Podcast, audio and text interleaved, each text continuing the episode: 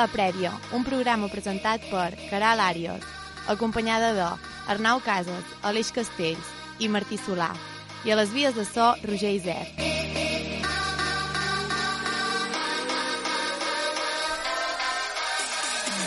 Benvinguts i benvingudes a un nou programa de la prèvia Osona. Penúltima jornada de l'hoquei Lliga masculina i malauradament portem males notícies pels interessos usonencs. El Manlleu, després d'unes temporades intentant assolir l'ascens a la màxima categoria, l'any que ve tornaran a hoquei plata juntament amb el Vic. Però l'altre equip de la comarca, el Voltregà, ha certificat la categoria un any més. Per tant, tindrem els de Sant Hipòlit a la màxima categoria i esperem que el Taradella hoquei plata sud faci les coses bé per pujar de la Lliga. Felicitats al Voltregà per mantenir la Lliga i una abraçada i molts ànims al Manlleu. Roger, bona tarda. Bona tarda, què tal? Un concepte, una paraula per descriure el que hem viscut aquesta setmana amb l'hoquei masculí. Jo crec que la jornada de les dues cares, alegria a Sant Hipòlit i decepció a Manlleu, a la joventut i la falta d'experiència han passat factura, eh, que comentaves, eh? molts ànims al Manlleu, és una generació de talent, segurament tindrà moltes més oportunitats de triomfar a l'Hockey Lliga, evidentment a Sant Hipòlit contents que un històric de la comarca segueixi un any més a l'Hockey Lliga masculina. Doncs l'opinió de l'Arnau la coneixerem res d'aquí una estona. Ara sí, comencem.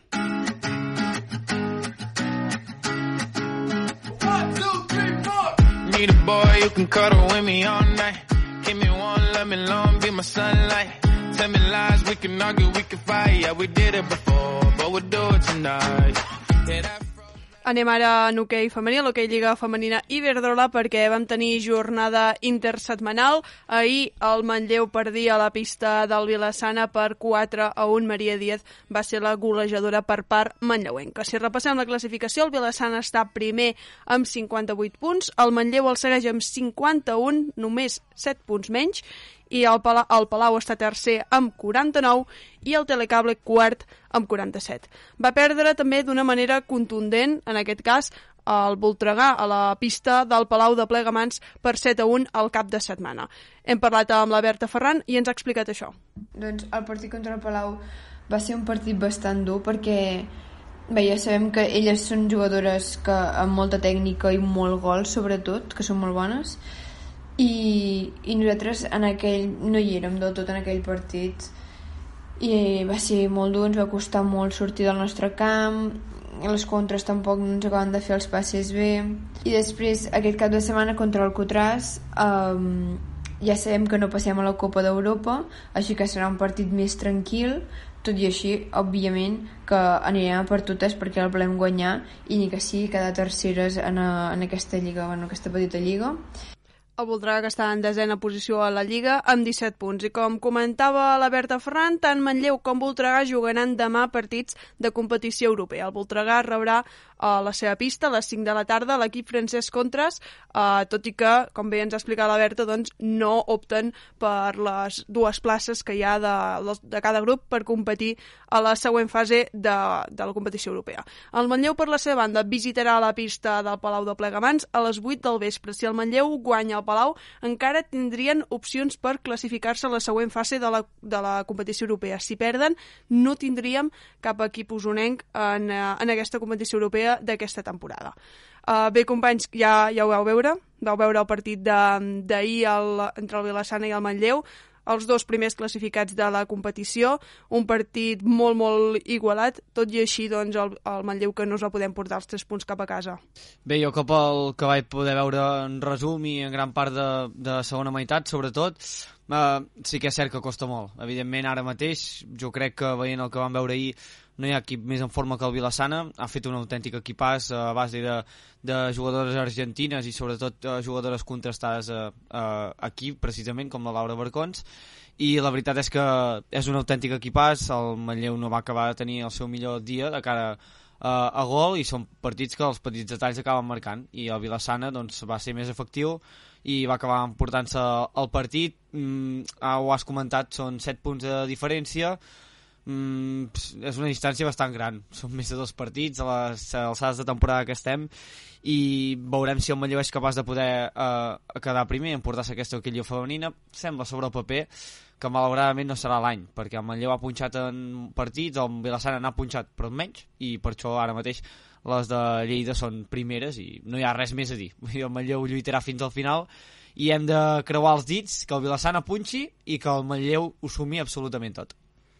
En aquest cap de setmana del Mercat del Ram d'aquí de Vic tindrem competició europea, ja ho hem comentat, el Manlleu, que és el que més s'ho juga a la pista del Palau de Plegamans, i el Voltregà, per la seva banda, doncs, que, que ja, ja no es pot classificar per la següent fase, per tant, serà un partit on, on tot i així ens ho ha dit la Berta Ferran, no, hauran de seguir donant tot, jugaran a casa, per tant, això també és un punt, un punt a favor, i tenim un, nou propi, un nom propi al Voltregà, no? Um, Arnau, primer de tot, uh, bona tarda. Bona tarda, Caral. Comentava que tenim un nom propi al Voltregà perquè la portera del Voltregà, la Uchue Otegui, porta unes setmanes lesionades i això doncs, ha fet que la Caral Sala es col·loqui a la porteria del, de l'equip de Sant Hipòlit. Va fer-ho per primera vegada, ho vam comentar aquí al programa, al, al derbi contra el Manlleu, i tot i que el resultat d'aquest cap de setmana, com el del Manlleu, no us van poder emportar els 3 punts, doncs, tot i així, us dic que en el partit de, contra el Palau doncs, va aturar una falta directa a la màxima golejadora de la Lliga, que és l'Aina Florença, i també un penal a la Berta Busquets. Per tant, eh, la Caral Sala, eh, una, una de les porteres més joves que tenim ara mateix amb 17 anys, doncs que va plantar cara davant del Palau de Plegamans aturant una falta directa a la màxima golejadora que falla poques vegades. I, Arnau, la pregunta és obligada. Tu has vist a la Caral Sala, a la porteria en directe? No, però el que sí segur és que aquest eh, segurament canvi de cicle que està eh, efectuant el Voltregà eh, en el transcurs d'aquesta temporada, que ja va començar la temporada passada, tot apunta que és perquè la Caral acabi sent, no sé si portaré titular, però una jugadora molt important eh, dintre l'equip. Eh, vam veure les últimes temporades que bé, havien anat eh, rotant a la porteria, com també passa aquí al costat a Manlleu, però sí que segurament doncs, aquesta competència a la porteria farà que veurem quan torni Oxue Tegui a veure si pot, poden uh, tenir doncs, uh, aquesta lluita per la titularitat. De moment és positiu que vagi tenint aquests uh, minuts, a més a més en un moment que el Voltregà segurament a Europa va, mm, com hem comentat, ja no s'hi jugarà res aquest cap de setmana, per tant no tens uh, tanta pressió, segurament, i en Lliga, uh, la posició en la que es troba, és veritat que hauria de sumar alguns punts més per allunyar-se de la part baixa de la classificació, però sí que és veritat que estàs en una zona relativament còmoda, per tant és un bon moment perquè puguin debutar uh, i evolucionar jugadores com aquesta. Clar, a més a més, el Voltregà, recordem, Arnau, que es va classificar per la Copa de la Reina, per tant, encara que no juguin en la competició europea, jugaran a la Lliga i també a la Copa de la Reina. Si et sembla, Roger, deixem aquí l'hoquei femení i ens anem al masculí. Que sé que encara em queda temps per dir-te que sé que encara és bon moment per viure que vull seguir si ara em dones la vida que sense tu jo aquesta història no la vull escriure penúltima jornada de l'Hockey Lliga masculina. El Manlleu va perdre per la mínima 5 a 4 a la pista d'Alcaldes i això ha fet que no puguin salvar-se per continuar un any més a la màxima categoria d'hoquei patins masculina. El Voltregà, per la seva banda, el fet que el Girona perdés al Palau Blaugrana asseguren un any més la permanència a l'Hockey Lliga tot i perdre a la pista de l'Igualada per 5 a 2. Un dels que va marcar per part de Sant Hipòlit va ser l'Arnau Canal. L'escoltem va ser un partit on ells van ser superiors amb intensitat. Crec que el ritme del partit el vam portar més nosaltres, mantenim més bola, la posició va ser bastant nostra, però ells no van perdonar cada porteria i es veu reflectit amb el marcador. Ara toca pensar en el partit aquest dissabte a Valdanyo, de les Cers, on hem de sortir a donar-ho tot. És l'última carta que ens queda, o sigui, hem d'anar allà a guanyar com sigui. Uh, per part nostra hi haurà molta intensitat i esperem tornar amb la classificació a la Final Four de les CERS. Doncs aquest cap de setmana no hi haurà competició de Lliga, però els de Voltregà, com ens ha comentat l'Arnau Canal, viatjaran a Itàlia per jugar el partit que correspon a la tornada dels quarts de final de la Europe Cup. Demà a les 9 del vespre jugaran a la pista del Valdanyo i recordem que el partit d'anada aquí a Osona vam tenir empat a dos. Um, Arnau, ara et començo preguntant per tu. Com vas viure el, el partit del Manlleu i, uh, i aquest descens de que només els ha, no han pogut mantenir la categoria, van, van assolir l'ascens l'any passat, estàvem tu i jo presents aquell dia, i aquest, dimec aquest dimecres va ser un dia complicat, no? Sí, a veure, és uh, segurament un fet que es veia venir feia setmanes, el calendari no ajudava, però sí que és veritat que una victòria fa unes setmanes el, et deixava amb opcions, però era molt complicat mantenir la categoria a més a més, si no, segurament s'hauria hagut de jugar amb un play-out. És un equip molt jove que encara té molt per, uh, per canviar, per, uh, per aprendre, i aquesta temporada és veritat que va, havia estat molt fiable les dues últimes hoquei plata, però quan puges a primera ostres, el nivell varia moltíssim i segurament eh, amb una mica més de veterania en moments puntuals hauria pogut uh, tenir més bons resultats. És una llàstima perquè, com dius, doncs, uh, puges una temporada i baixes a la següent, però al final és la màxima categoria i si no ets regular uh, en tota la lliga, eh? No només en uh, diferents fases, és molt complicat salvar-te. Veurem uh, aquest uh, cop que és molt dur, uh, com va canviar el Manlleu, si hi haurà gaires baixes uh, de cara a la temporada vinent, o com es reestructurarà l'equip, però segurament uh, això que dic, uh, una mica més de veterania, és un equip molt jove i segurament s'ha trobat rivals que estan molt més acostumats a competir a l'Hockey Lliga. Sí, totalment d'acord amb, amb tu, Arnau. I a més a més, la setmana passada recordem que van tenir també jornada, no ho hem comentat, el Voltregà que va guanyar contra el Palafrugell dissabte i el mateix dissabte el Manlleu va perdre contra l'Alcoi i això ha fet que aquestes dues derrotes consecutives doncs el, el Manlleu que, que perdi la, la categoria. Roger, a tu et pregunto ara per al Voltregà. Anem, anem canviant. Endavant.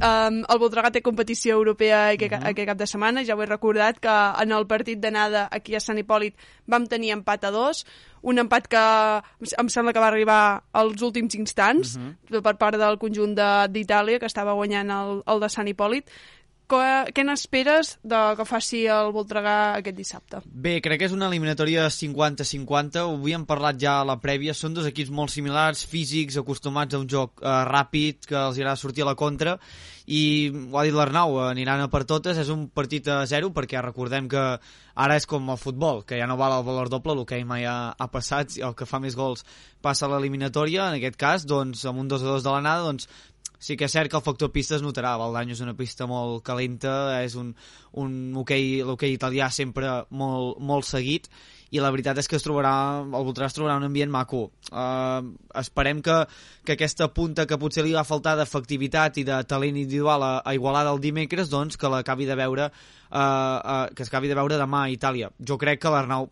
no ha volgut dir aquestes paraules, però jo crec que el, estàvem més pensant en Itàlia que no pas en, en Igualada el dimecres, per entendre'ns. Però veurem què passa demà. Jo veig una eliminatòria molt igualada, no m'atreviria a fer un pronòstic. Evidentment esperem que el Voltregà passi, tornar a una Final Four, que ja sabem la història de mort que té el Voltregà i Europa. Veurem demà què passa a les 9. Serà un partit maco de, de veure, es pot veure per, a través del web de Europe Cup, per tant eh, eh, n'estarem ben pendents, mm, molt igualat, 50-50, veurem si Gerard Teixidors, Arnau Canals, eh, Miquel Estrada de la porteria apareixen i el Voltregà pugui guanyar. I aquest cap de setmana, de moment, eh, de la màxima competició serà l'únic partit que tindrem, perquè ara ho comentarem que Hockey Plata tampoc hi haurà, hi haurà jornada, per tant, el dissabte al vespre que hi haurà aquest partit, juntament amb el del Manlleu femení i el del Voltregà femení, en aquest cas. Deixem aquí l'Hockey Lliga masculina i ens n'anem a Hockey Plata.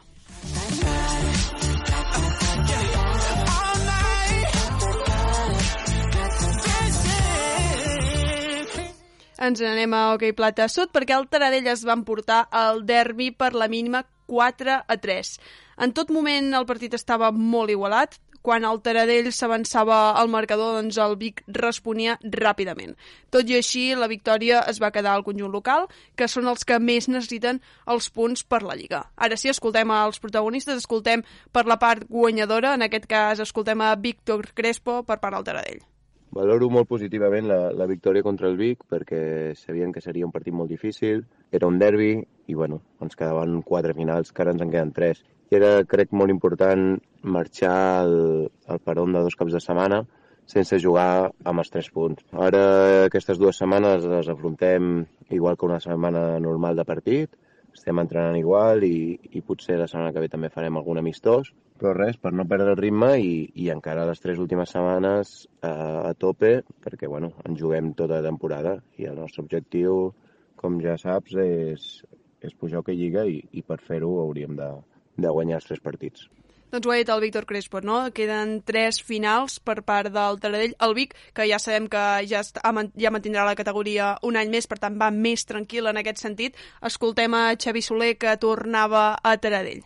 El derbi va ser un partit molt disputat, va ser bastant diferent al de l'anada, que el Taradell es van posar per davant del marcador molt ràpid i nosaltres no vam tenir opció d'entrar al partit. En canvi, aquí al Pujoló sí que vam estar fins als minuts finals allà, allà, i bueno, vam tenir dues oportunitats al final per empatar, no va poder ser, però bueno, jo crec que el resultat més just hagués estat aquest. Per altra banda, per la meva part, eh, donar-los sort al Taradell pels últims tres partits i això, nosaltres ja no ens hi juguem res, però intentarem competir fins al final. Sí, Xavi Soler dona tota aquesta energia perquè el Taradell intenti doncs, tota l'energia i tot el suport perquè aconsegueixi aquestes tres jornades de final de Lliga, doncs nosaltres també ho hem de fer, no? Home, la, la veritat és que sí, bueno, ja ho saps que no és cap secret, eh, tant de bo el Taradell pugui pujar, veurem Veurem com està la part alta, perquè és que és Vols un que la cacau. repassi? Sí, sí, repassa perquè Repassem. és, és absolutament boja. Repassem com està la part alta de la classificació d'hoquei plata sud. Tenim el Sant Cugat líder amb 43, en segona i tercera posició empatats a punts amb 40, Vilafranca i Taradell. Uh -huh. en, cu- eh, en quarta posició l'Alpicat amb 39 i el Xum és cinquè amb 38. És a dir, Mal apretat, sí, sí. que és, és, que és això, ve, ve d'una victòria, el Taradell que ha, jugat, ha de jugar contra el Vilafranca, Uh -huh. per tant, aquell, que és l'última jornada, a més a més, per tant, serà decisiva. I, I també amb el Sant Cugat, si no recordo malament. Ara, ara ho volia recuperar, em sembla que sí. Mhm. Em sembla que també. Per Sant Cugat i Vilafranca, clar. Dos dels tres partits ja són contra rivals directes. Crec que l'altre és a pista del Barça B, si no vaig errat. Sí, exacte. Uh, perquè l'altre dia ho vaig mirar. Més que tot miràvem... Comencen amb el Barça, Sí, Barça i llavors B. Sant Cugat, i l'última és a Vilafranca. Clar, acabes a Vilafranca, que a més a més, si t'has de jugar allà la- l'ascens, doncs compte, perquè hi haurà un ambient uh, maco. Mm, Jo, amb el teu permís, eh, Caral, ara hi ha aturada, dues setmanes, crec que és el moment, per fer el pronòstic de quins dos equips creiem que quedaran primer i segon aquest grup sud, que és el que ens interessa, evidentment, perquè hi ha el Taradell. Vale, va, posem una mica un moment, eh? Sí. El Sant Cugat, els rivals del Sant Cugat, a casa contra l'Alpicat, Uh -huh. a fora contra el Taradell, i a casa contra el Xum. És a dir, que també són Tres rivals... rivals directes. Exacte, exacte. Sí, sí. Per, i, I anem a repassar el Vilafranca, que potser serien els tres Mm. que, que, que podrien doncs, oscil·lar en aquest, en aquest ascens. Tenim el Vilafranca, que jugarà contra el Sant Just, eh, a casa, visitarà la pista de l'Alpicat i se'n va a Taradell. És a dir, el Sant Just sí que està una mica més desmarcat de la classificació, crec recordar. Està en sisena posició Sí. amb 25 punts, Uh -huh. Però que ja no, ja no s'hi juga res com aquell qui diu, però tot i així el Sant Just hem vist que, que és un dels millors equips també. És un equip potent. Jo, eh, jo que sempre aquesta qüestió i, i ara quan has repassat els, els enfrontaments sempre poso el picat. És per gust personal, eh? crec que és un equip que, que té molt de potencial i té uh, uh, menys olot, tot sigui dit, a l'última jornada. Els altres dos són rivals directes amb els que s'enfronta. Mm, Parlant Això, amb... això l'Alpicat, eh? Sí, sí, això ja l'Alpicat. saps, ja saps que l'Olot ha de guanyar sí o sí. Sí, és ja, a dir, això- mai havia desitjat una victòria de l'Olot tant com en aquest moment. Jo ja ho saps que cada partit i arribem a aquestes alçades sense jugar-nos-hi res i des de Taradell ja ens comencen a enviar missatges dient heu de guanyar l'última jornada al Picat a veure, Home, normal, normal. Jo, Sí. jo igual, jo igual. Jo- Jo, jo la- que dit. jo mira, jo fa unes jornades al Vilafranca el, el descartava per Sí? moment de forma, però ara ha recuperat els punts jugant contra rivals a priori, entre cometes... De la part baixa, de la part per- baixa, diem, de la part part baixa. mitja baixa. Clar, ara s'enfronten entre ells. Aquí està el tema. Aquí està el A- tema, a- eh? El Taradell, evidentment, contra el Barça B, ha de guanyar, sí o sí. i els altres dos, doncs qui se- qui s'emporti més duels directes pujarà directe. Això està clar. Taradell i Vilafranca, en el partit d'anada que es va jugar aquí a Taradell, vam tenir empat a un. Empat a un. Clar, és que està, està molt igualat. No sé si l'Arnau ho veu més clar que nosaltres, jo ho veig molt igualat. Jo tinc dos, dos equips que m'agraden molt, com, com han jugat aquesta temporada, que ara mateix són Sant Cugat i Taradell. Mm, Jo posaria aquests dos, no sé si vosaltres en posaríeu un altre, Arnau. tu. Jo posaria Taradell i Sant Cugat. Jo l'Arnau no sé si em posaré un altre, ja? No, no, jo crec que l'ascens, els tres primers classificats ara mateix són els que es lluitaran l'ascens per plantilla i per, eh, segurament, per nivell de forma i per la temporada que estan fent, jo crec que seria just eh, va, vam comentar la temporada passada, segurament ja va ser injust que el Taradell baixés i té prou nivell per mantenir-se o okay, Lliga. A mi m'agradaria que fos un dels altres dos i Sant Cugat i Vilafranca és el que tu dius, el Vilafranca semblava que es despenjava perquè la primera volta havia estat molt bona i la segona doncs havia deixat d'escapar masses punts i el Sant Cugat, ostres, el veig que està en una grandíssima dinàmica i em faria, se'm faria difícil que per plantilla que té també per història, perquè té, ja té experiència a Lliga, no, no pugés de categoria. Per tant, jo crec que serà entre aquests tres de dalt. És que ara potser aquestes, això que estem dient, potser et pugen xum i el picat, i tampoc seria una altra desgràcia. No, enteneu-me. No, que, però... Que sí, eh? No, a veure, Roger, primer de tot, sabem que el Manlleu doncs, descendirà de categoria, Clar. per tant, tenim derbi, zona- un- tenim sí. derbi assegurat a Hockey, a Hockey Plata, Amb el Vic. esperem, amb el Vic, Sí, perquè això a, a veure com van els sortejos, i necessitem Ah. derbi usonenc a l'Hockey Lliga masculina. Per tant, sí o sí, el Taradell ha de pujar, només, Clar. per, només per satisfer el, el, el nostre fam de que derbi. hi hagi un Voltregà Taradell, perquè si no l'any que ve què farem a aquella lliga? Clar. Bueno, destacarem el Voltregà Barça, el Voltregà Liceo, però clar, derbi, no hi haurà ja, derbi ja, ens, ja ens agrada seguir el, Ah, el Voltregà en aquest sentit, Ara però que- ens agraden els derbis. Ara que m'hi fas pensar, un equip usonenc només a l'Hockey Lliga masculina? És el que jo ara anava, anava a comentar. Poca broma, eh? Doncs els 30, els 30 anys del Vic? Segurament, perquè Voltregà i Vic eh, majoritàriament hi han estat sempre per... i sempre han tingut el, el derbi a l'Hockey Lliga. Seria històric, eh? Tant de bo no passi, perquè significarà que... el Ens fem nosaltres un club, la prèvia, Sí, i fem el derbi sí, contra el Voltregà. Sí, no, home, si no hauríem... Anem recol·lectant exjugadors Clar. i, i fem la, el Podríem fer derbi. una selecció d'Osona, Ah, exacte, així tots ah, contents. exacte, exacte. El que passa que esperem, eh? Esperem que el Taradell eh, faci la feina, que és fer aquest 9 de 9. Segurament, sí, pràcticament 100%, si el Taradell fa 9 de 9, perquè 6 dels 9 els treu a arribar als directes, pujarà, i fins i tot pot pujar directe. Veurem què, què passa en aquestes tres darreres jornades. Doncs sí, com bé dius, falten 3 jornades de Lliga d'Hockey Plata Sud i no tornarà a la competició fins al cap de setmana de Sant Jordi. Ara sí, deixem aquí l'hoquei i ens n'anem al futbol.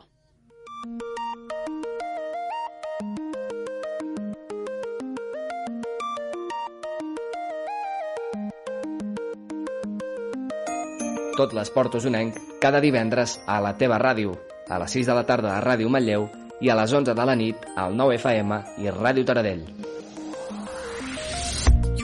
Ens anem ara a futbol femení perquè el Vic Riu Primer Arnau va guanyar a primera divisió nacional quan falten dues jornades per acabar la Lliga. Sí, va guanyar el primer equip i també, ara ho repassarem d'aquí una mica, va guanyar el filial, els dos jugaven, a més a més, a fora de casa. Però com anem a PAMS, a, a tercera nacional, a, perdó, primera nacional, el Riu Primer va derrotar el Font Santa Fatjó 0-3 amb gols d'Ona Verdés, Ivet Coll i Núria Sala, un uh, conjunt local que no s'hi jugava massa res més enllà de sortir de la, del pou de la classificació i, per tant, una victòria molt important que reforça la moral de les Riu Primerenques, que, com bé dius tu, eh, aquesta lliga ja s'està a punt d'acabar i tindrem novament un any més un equip a primera nacional i ara mateix amb aquesta victòria eh, el Riu Primer que es col·loca novè a la mateixa posició que està, per tant manté la novena posició amb 32 punts els mateixos que té el Collerense, per tant, a veure si amb aquestes jornades que queden eh, les poden superar.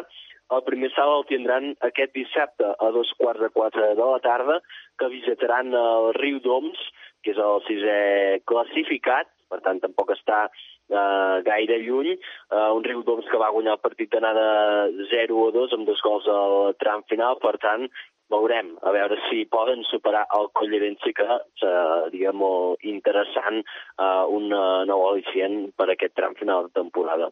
Exacte, perquè falten dues jornades i aquest penúltim partit, com deies Arnau, doncs s'hauria d'intentar guanyar encara que ja han certificat la permanència un any més a la categoria. Ens anem a parlar del filial del Vic Riu primer, Arnau, perquè va, també va guanyar aquest cap de setmana i l'altra pregunta que tinc per fer-te és si segueix el Torelló amb els partits ajornats. Sí, sí, uh, hi ha coses que no canvien mai. De moment, uh, pel que indica la federació, Uh, pel que he vist encara són uh, quatre els partits que hi han ajornats, tot i que tot apunta que el del Molinos uh, els hi donaran els tres punts. Per tant, anirem veient uh, com avança tot.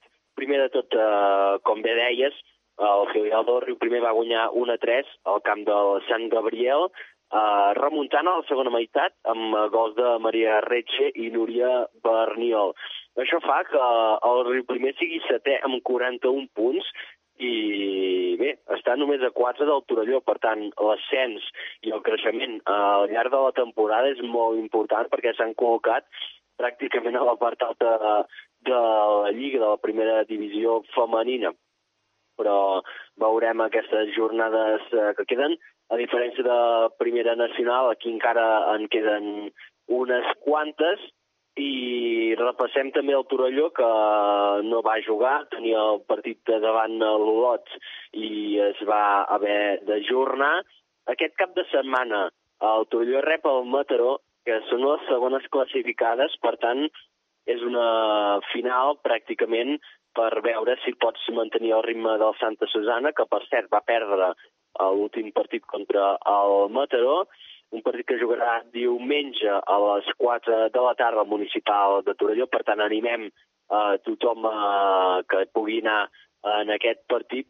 I per la seva banda el Riu Primer rebrà el Women's Soccer School a la mateixa hora, el diumenge a les 4 de la tarda, uh, un equip uh, davant d'un rival que només està 3 punts per sobre. Estan partits molt importants, uh, duels directes de la part alta de, de la classificació però el partit més important és el que enfrontaran aquest Torelló davant del Mataró.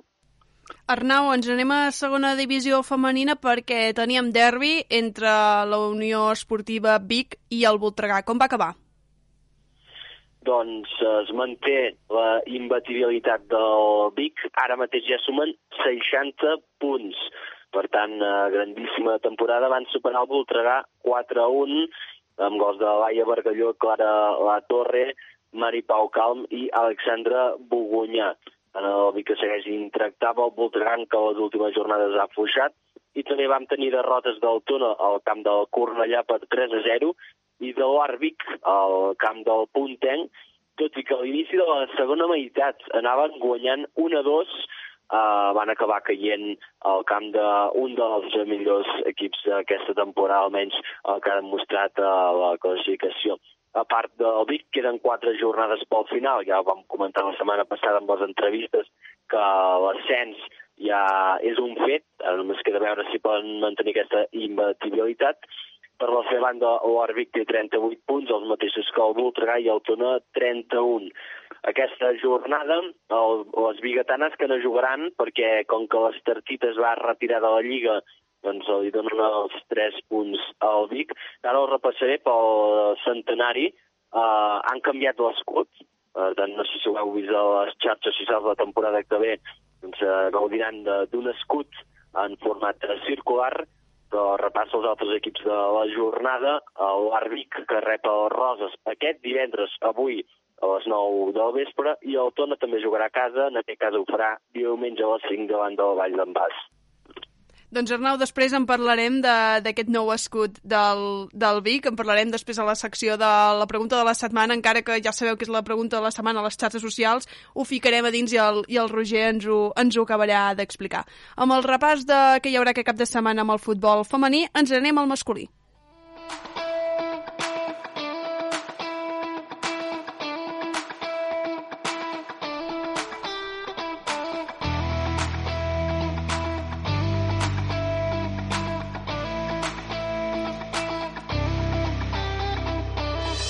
I ens anem a primera catalana de futbol masculí perquè teníem el clàssic usonenc entre el Manlleu i el Vic Arnau i crec que estàs content, portes bones notícies per, per interessos manlleuencs, no?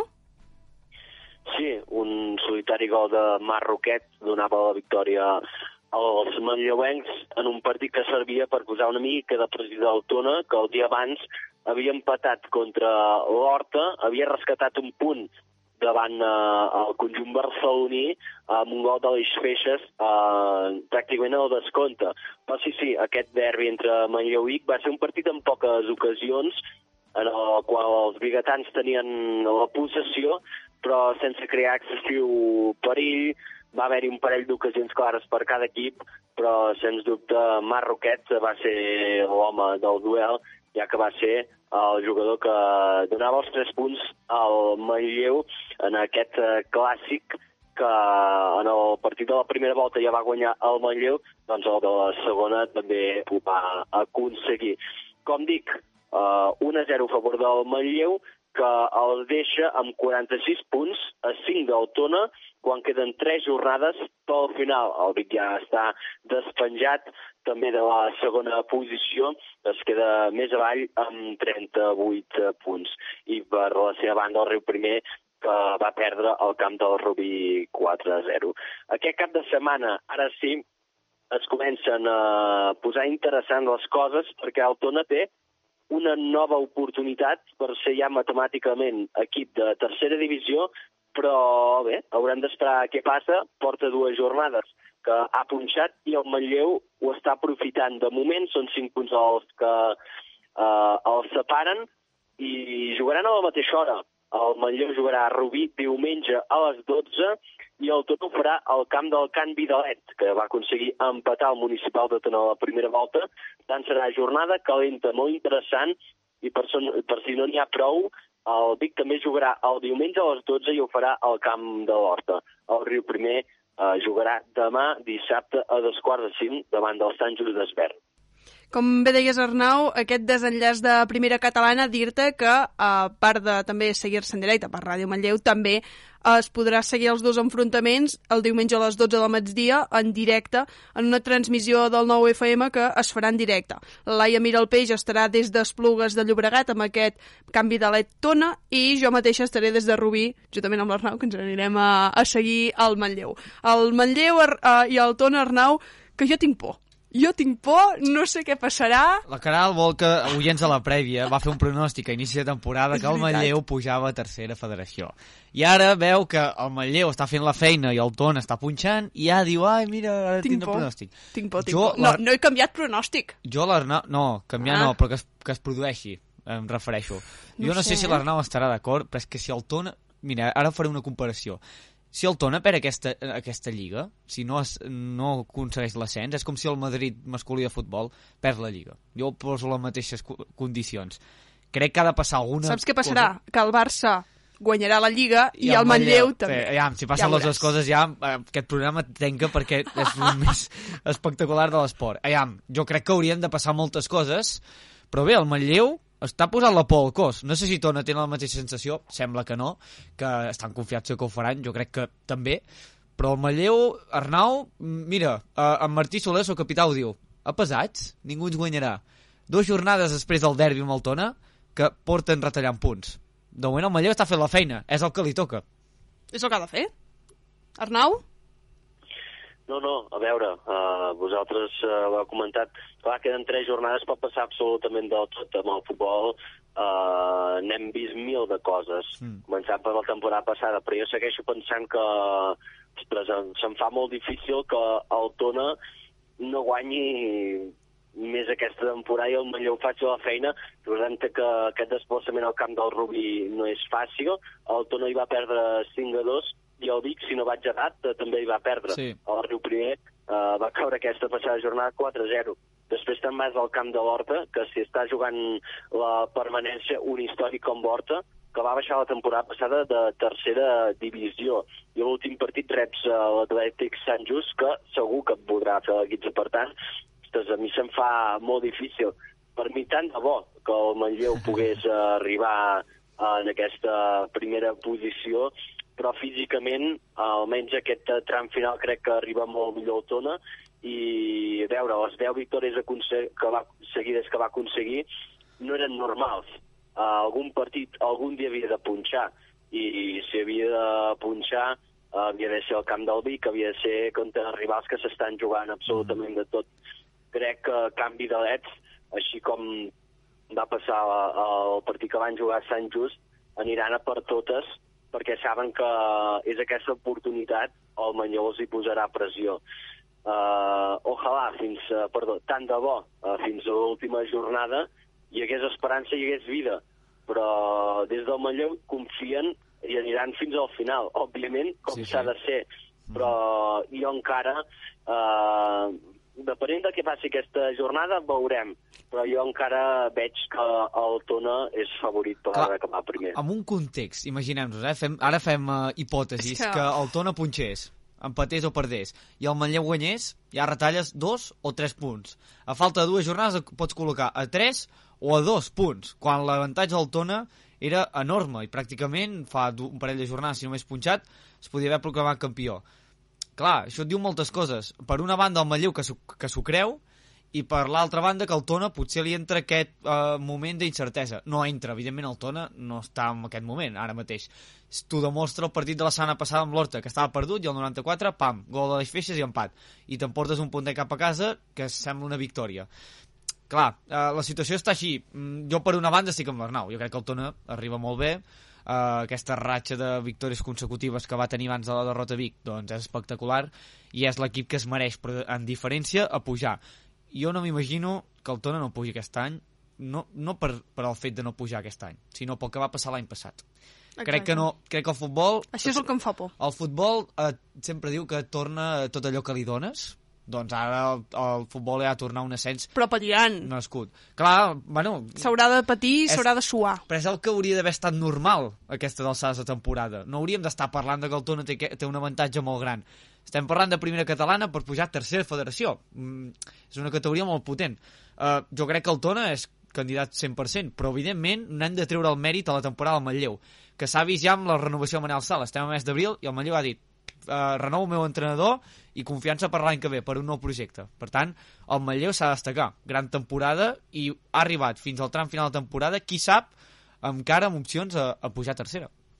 Sí, sí, i a més a més, Roger, el que a mi em fa por és que me'n vaig a Rubí Clar, amb és... el Manlleu. No, Això és mi... el que a mi em fa patir. No, sí, a mi, no, a mi també em fa por, però, però jo confio en el talismà Arnau Casas. Uh, L'Arnau s'ho mereix, uh, veure si canta una victòria per Ràdio Manlleu, i tu també la cantes pel 9FM i ja tots contents. Evidentment, des d'aquí, clar, el, el bonic és que guanyin Tona i Manlleu, eh? No, que no ens confonguem, eh?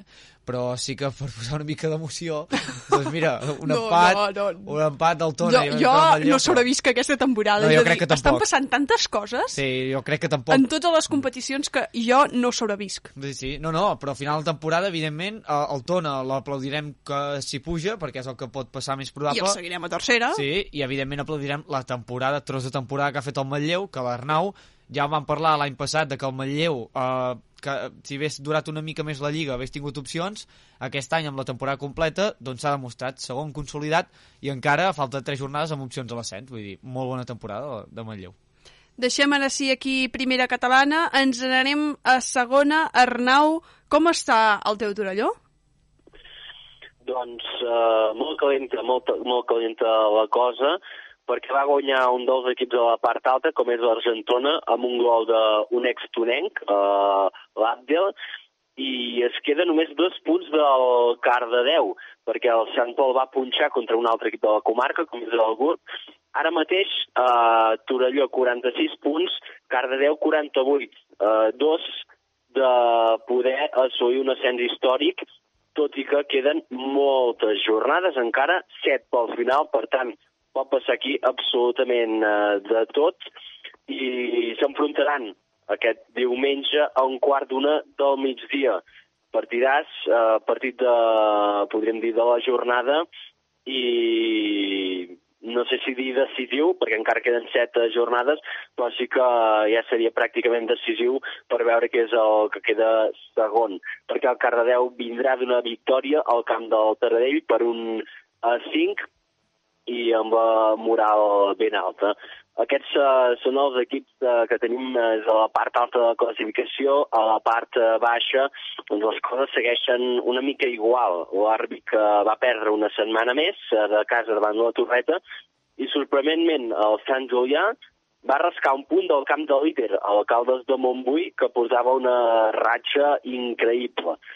Per tant, la segona catalana que hi ha contrastos uh, pel que fa a la comarca d'Osona, doncs el Torelló, que segueix optant aquest ascens directe, el grup que va guanyar el Sant Pol, el tercer eh, classificat, almenys fins la setmana passada, el Taradell es queda a mitja taula, i Oarvic i Sant Julià eh, ho tenen eh, molt i molt complicat perquè amb 23 eh, punts hi ha el Parets i el Santa Perpètua, per tant eh, 10 punts de diferència i aquest cap de setmana, a part del Cardedeu Torelló, com he comentat aquest diumenge, tindrem un Sant Pol o Àrbic, un Sant Julià Cirera i un derbi, Gurb Taradell.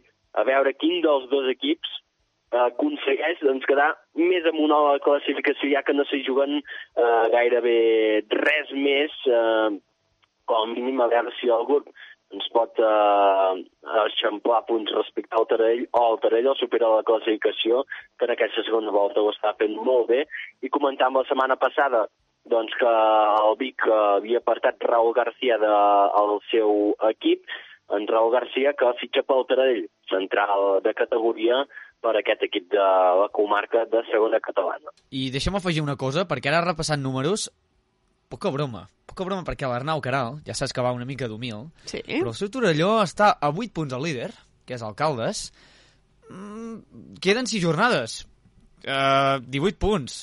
Es no pot sé. fer, es pot fer, no? Jo no descarto miracles que el Torelló Home, pogués... Alcaldes va empatar contra el Sant Julià de Vilatorta, ens va donar, clar, va, va donar que, aquesta estem, energia, no? Estem parlant d'un equip que només ha perdut un, part, un partit en tota la temporada, els 23 que ha jugat, l'Arnau dirà que és el favorit per pujar, eh, estic totalment d'acord, eh?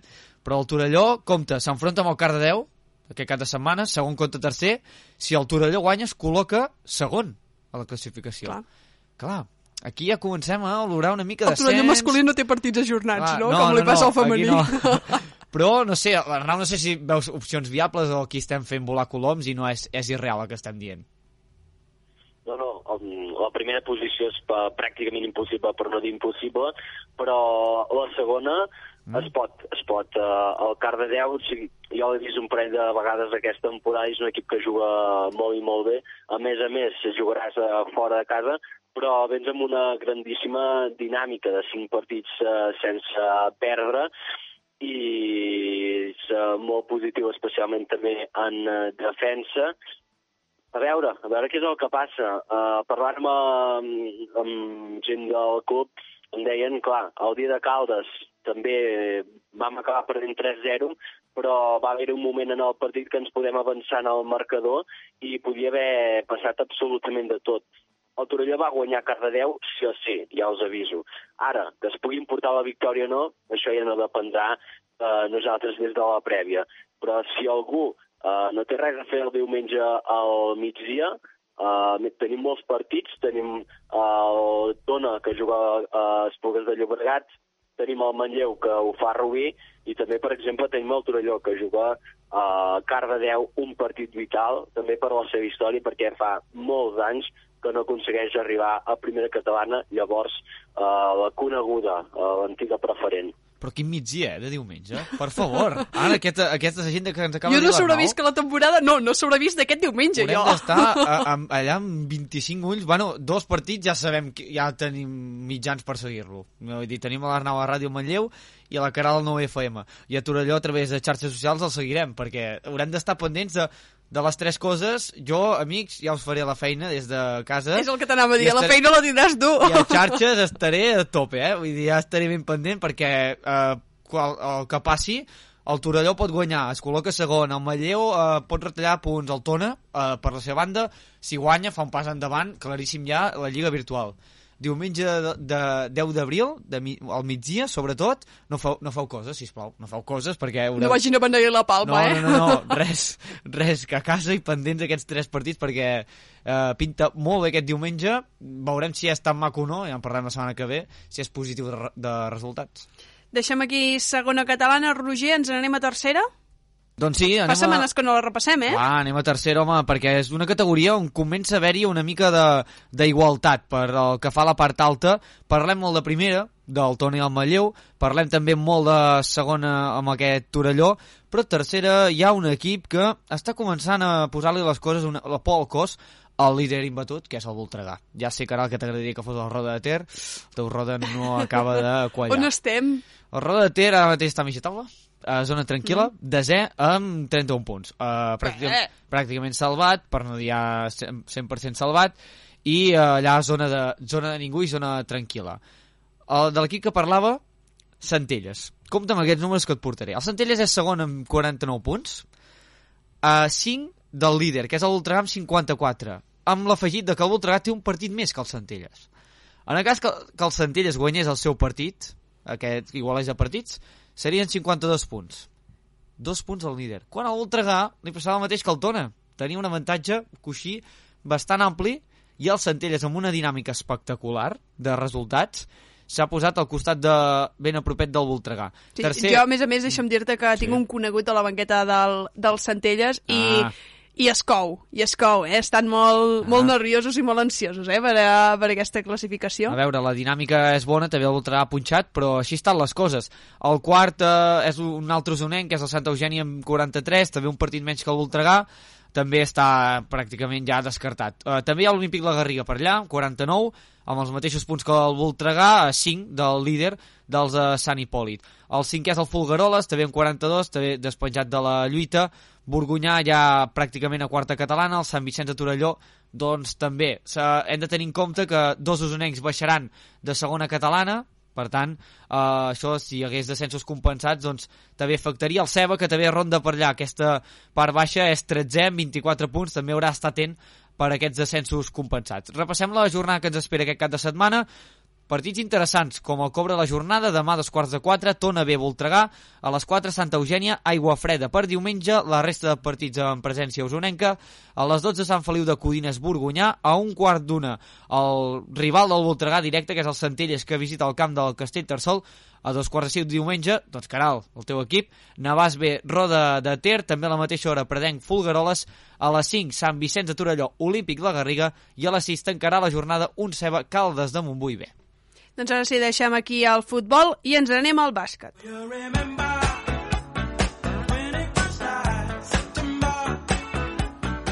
Ara sí, ens anem cap al bàsquet, Arnau, perquè tenim bones notícies pel que fa del femení Osona, perquè ha aconseguit la segona plaça per l'ascens a la Copa Catalunya, no? Sí, sí, uh, van guanyar l'últim partit a la Lliga regular 74 a 61 davant del GIEGB i això fa que acabin segones en aquesta primera fase de la primera catalana de bàsquet i disputaran uh, que és la segona per intentar ascendir de categoria. Recordem, és la primera temporada uh, sencera que poden competir a uh, primera catalana després de l'ascens fa dos anys i ho han, uh, han completat amb molt èxits. Han quedat per sota del Cassanenc, que han estat les primeres, i també s'hi han classificat per aquesta segona fase el Sant Gervasi i l'Unyà. Per tant, molt bones notícies pel conjunt taronja, que veure si poden mantenir la regularitat en aquesta segona fase.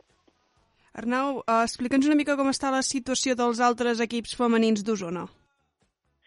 Doncs bé, el, eh, val a dir que han acabat eh, totes les lligues regulars en totes les categories i, per exemple, tenim el, eh, a la segona catalana femenina el Torelló que acaba cinquè i el Tona sisè a la classificació. Per tant, no els hi arriba per a poder competir en aquesta fase d'ascens i si ens anem a tercera catalana tampoc els equips de la comarca els hi ha anat gaire bé aquesta primera fase perquè el Manlleu acaba novè i el Roda en un zero posició a la penúltima de la classificació.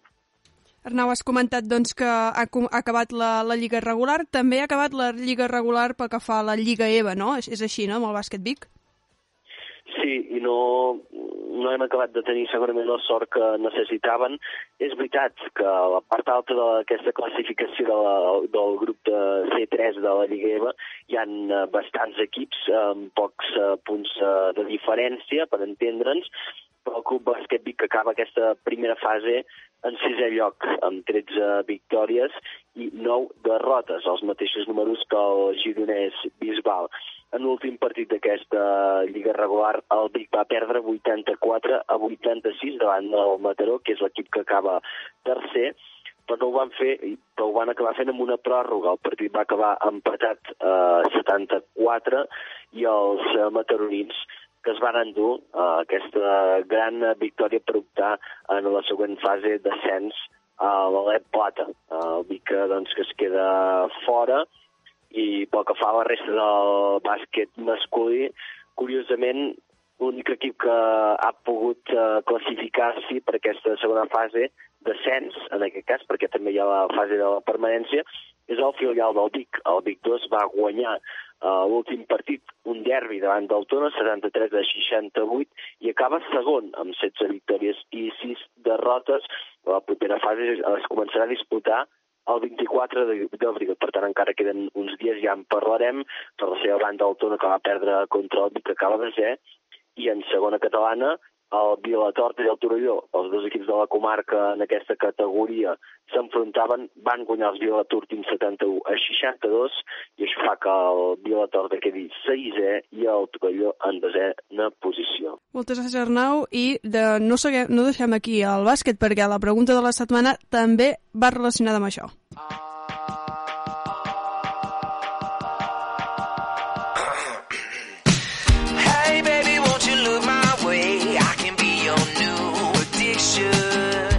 Ho hem comentat a la secció del bàsquet. El femení Osona doncs, aconsegueix aquesta plaça d'ascens per la Copa Catalunya. La pregunta de la setmana, ho he avançat, anava relacionat amb això. Roger, quina ha estat la pregunta d'aquesta setmana a les nostres xarxes? Home, jo crec que ens hem desfet elogis amb aquest equip durant la temporada i crec que es mereixia després d'aconseguir l'objectiu. Uh, estem parlant del femení Osona, el conjunt taronja, que s'ha classificat per la fase d'ascens a Copa Catalunya. Preguntàvem, i crec que hem enganyat, perquè era el meu objectiu, enganyar els participants, a veure quina posició havia quedat el, el A femení mi no m'has enganyat. Vale, A mi mira, no. doncs amb la majoria sí que els he enganyat, perquè ha estat l'opció més votada.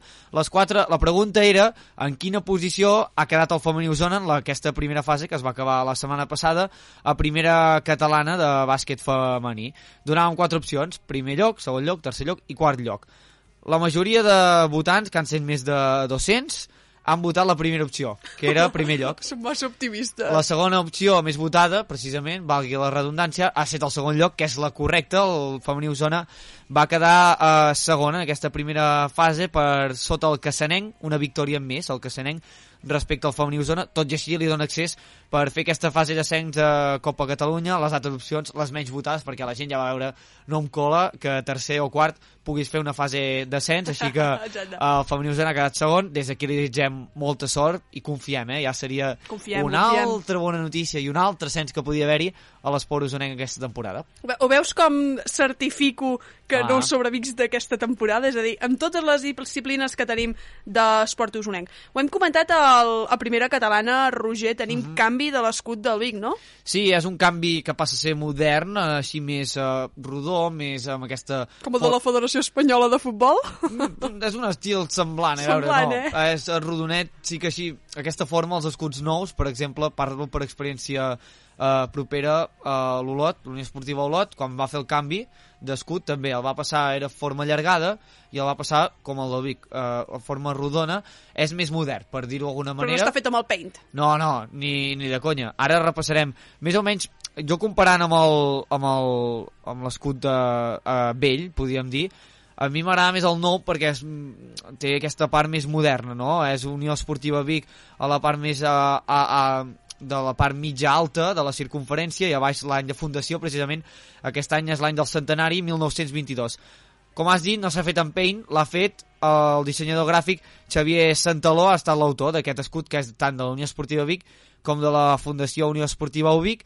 Nosaltres vam fer una enquesta i va quedar pràcticament 52% el nou, 48% el, el vell. Ostres! I vaig repassar així per, per mirar a veure qui havia votat i la majoria eren aficionats i, i jugadors del Vic. Meitat de jugadors del primer equip del jo Vic. també vaig votar. Sí, havíem... jo vaig votar pel nou. Tu què vas votar? Ostres, doncs, em sembla que també vaig votar, però me n'en recordo. Jo vaig votar pel nou per aquest fet. A mi m'ha agradat moltíssim i sembla que sembla que, que ha agradat també, però bé, hi havia divisió d'opinions a l'enquesta que vam fer nosaltres a les xarxes socials, per tant, també una altra iniciativa nova, n'ha fet moltes al Vic, aquest any especial per ells del centenari, i mira, un canvi de- d'imatge que tindrà el Club Biguetà.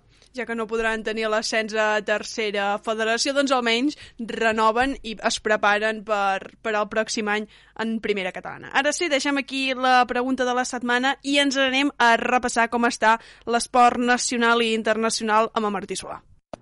Bona tarda, comencem la secció d'esport internacional parlant de les competicions europees de futbol. Comencem parlant per la Champions. Aquesta setmana s'han disputat els partits d'anada dels quarts de final de la Champions. El Liverpool va guanyar 1-3 al camp del Benfica. El Manchester City va guanyar 1-0 a casa contra l'Atlètic de Madrid.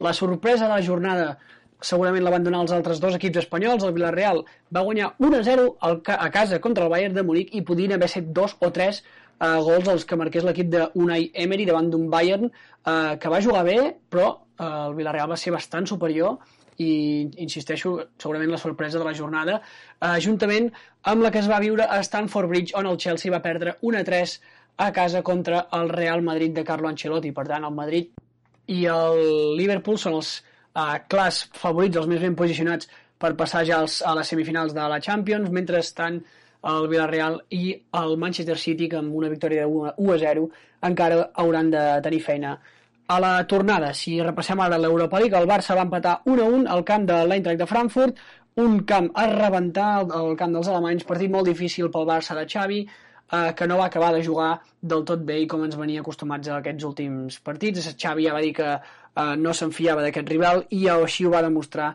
l'equip alemany, l'Eintracht de Frankfurt, que li va posar molts problemes al Barça i fins i tot va poder guanyar el, el partit en alguna ocasió. Repassem ara la Lliga Santander. El Real Madrid segueix líder després de guanyar en polèmica al camp del Celta, 69 punts per l'equip de Carlo Ancelotti. El Barça és segon, també va guanyar 1-0 contra el Sevilla amb 57 punts. Tercer, l'Atlètic de Madrid també amb 57 després d'haver guanyat.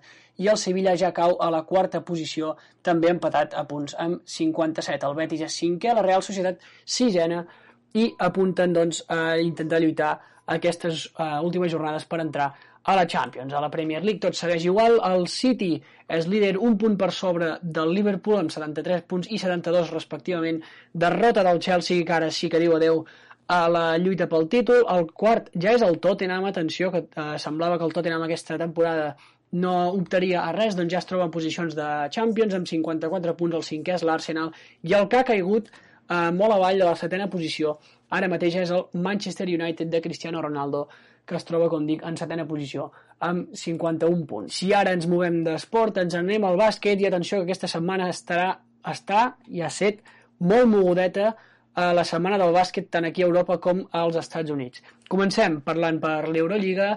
El Barça ja és automàticament primer classificat eh, d'aquesta Eurolliga, per tant ja té rival als quarts de final, serà el Bayern de Munic, el club ja sap que li tocarà a l'equip alemany. Serà la pròxima setmana doncs, que els dos primers partits es jugaran al Palau Brau, Blaugrana. D'altra banda, el segon classificat ara mateix és l'Olimpiakos, el tercer és l'Olimpia Milan, a falta d'una jornada per acabar aquesta competició i per tancar-se. El quart ara mateix és el Real Madrid. Atenció perquè avui juga el Madrid, l'últim partit.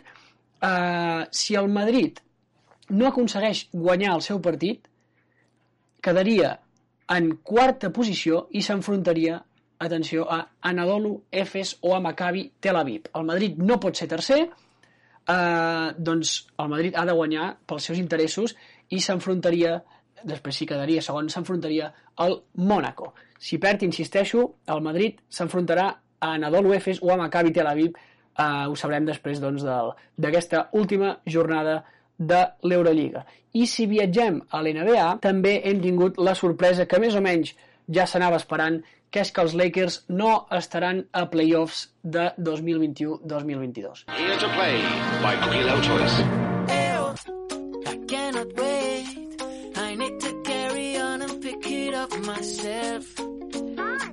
Doncs com hem comentat al llarg d'aquest programa, tindrem un cap de setmana amb partits molt importants en hoquei i futbol. Deixem el programa aquí, que tingueu un molt bon cap de setmana i tornarem la setmana que ve amb el programa especial de Setmana Santa on tindrem diverses entrevistes. Fins la setmana que ve. Si no te la jugues no proves la mel. We're coming here to make you dance, baby. Segueix-nos a les nostres xarxes socials. Arroba la prèvia Osona a Instagram i Twitter. No et perdis tota l'actualitat de l'esport usonenc.